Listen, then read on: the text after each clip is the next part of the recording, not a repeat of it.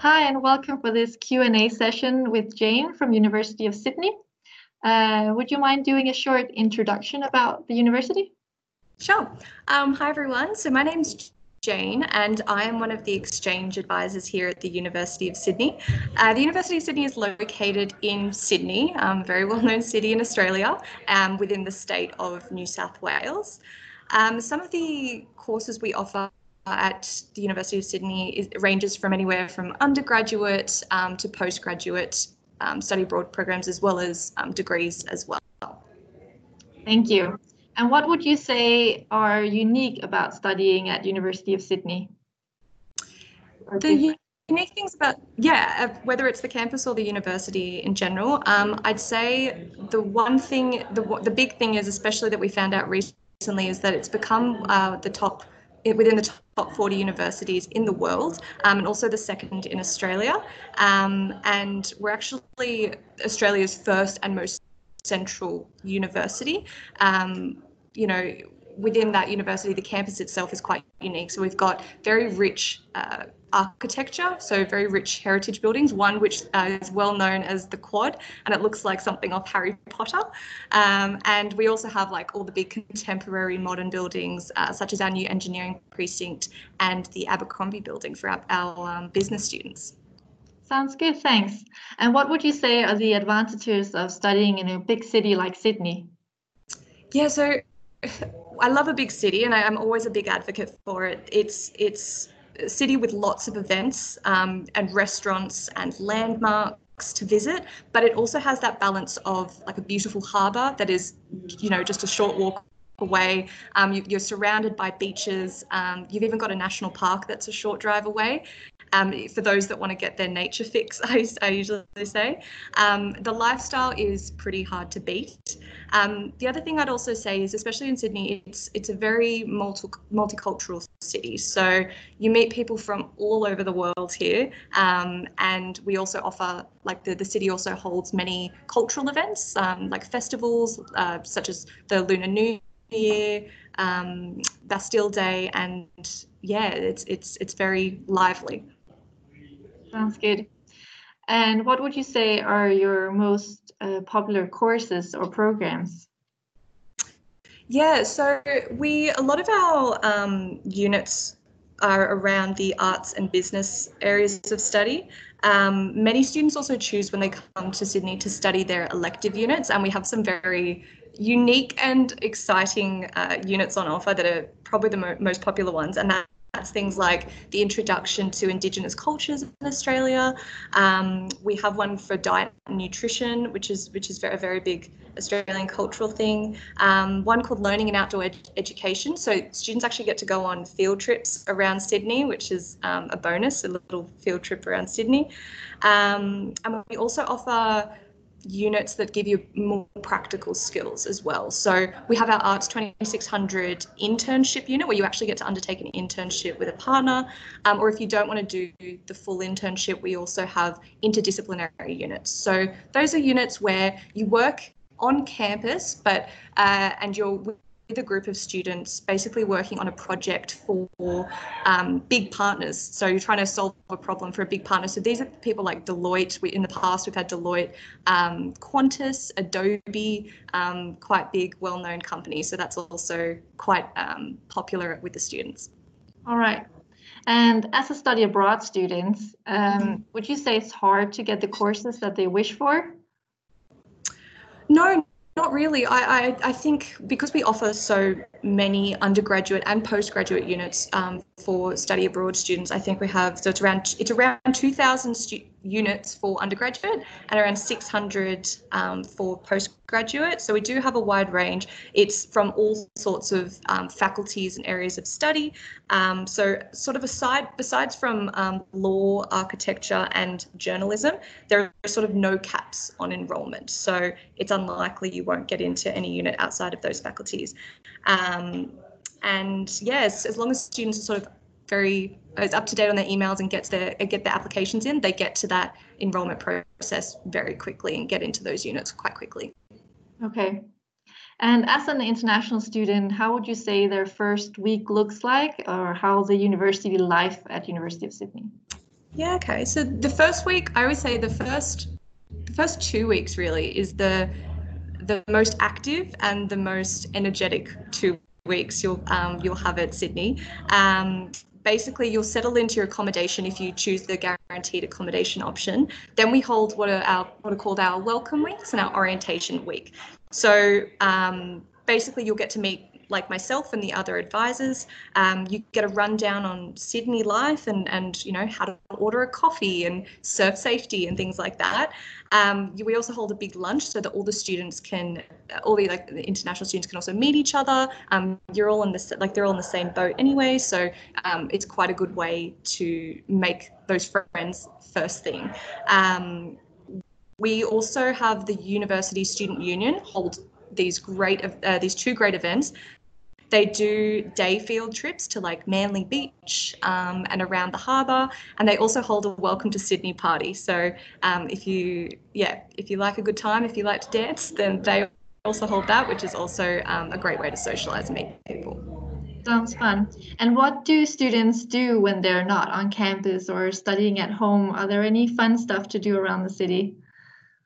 Yeah, um, yeah, I'd say there's so many. Let me try to think. So we've got a lot of, like I said before, cultural activities as as well as a lot of um, nature-based activities to do in Sydney. Uh, ones that I usually talk to students about is we have art after dark, where, where you can actually go to the art gallery at night, and they have this.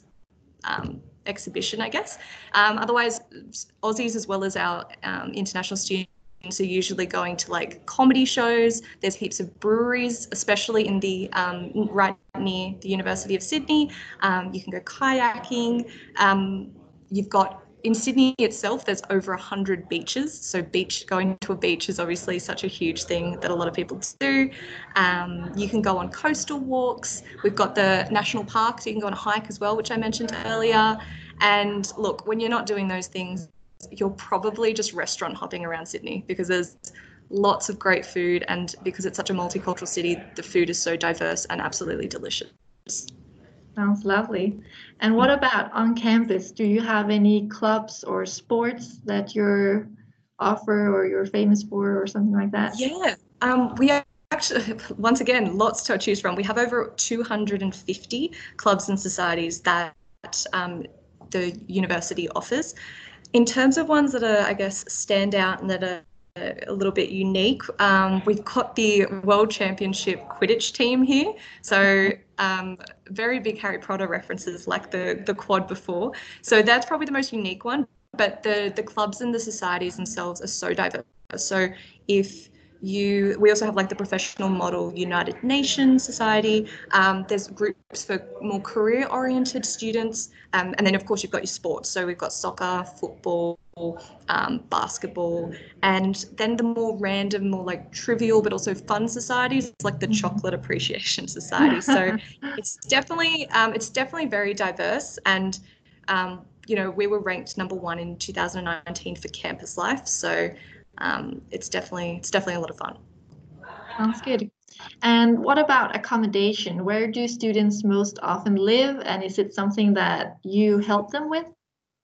Yeah, so students have their like students have their own choice so they can choose to seek out their own accommodation you know whether it's staying in an apartment around sydney um, but we've found in the past and obviously with that option we will give you the tools to help you with that but what we've found in the past is that it can be a little bit more difficult to seek out those options in Australia, more so maybe in your own home country.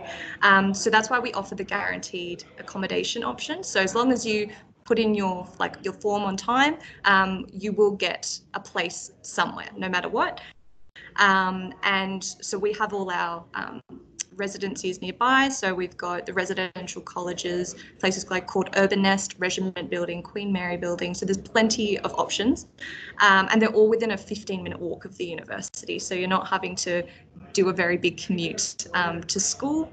And even then, um, whether you, you know, even then when you, if you are outside of 15 minutes or even just getting around Sydney, um, the transport is very easy in Sydney. You've got buses, you can bike everywhere, um, you've got trains, ferries, you've got the lot. So, yeah, I'd say the guaranteed accommodation we're the most involved in. We obviously help you get that guaranteed spot.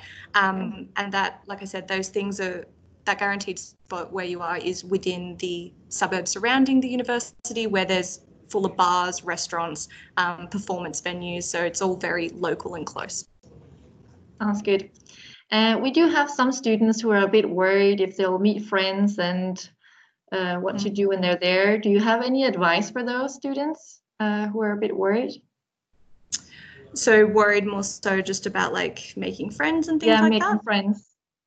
Yeah, so that's that's first thing I would say is look, that's perfectly normal. Um, I think the answer to that is very simple, and this is even coming from my own study abroad experience. It's just you have to say yes to every opportunity you can.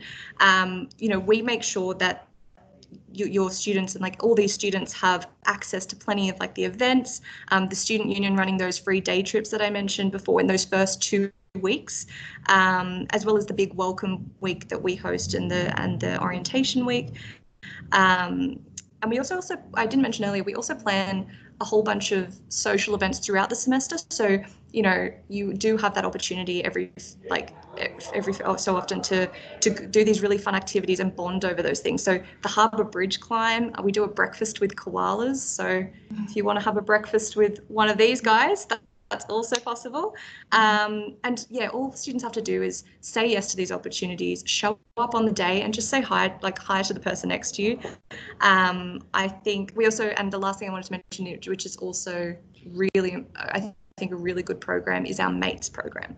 So if you want to, if students want to do the mates program, we pair them up with um, an, a returning student from the University of Sydney. So you've got an Aussie student, an Aussie mate that you're connected with, um, usually over something you have a similar interest in. And yeah, you just get to have a chat with them, develop a friendship from there.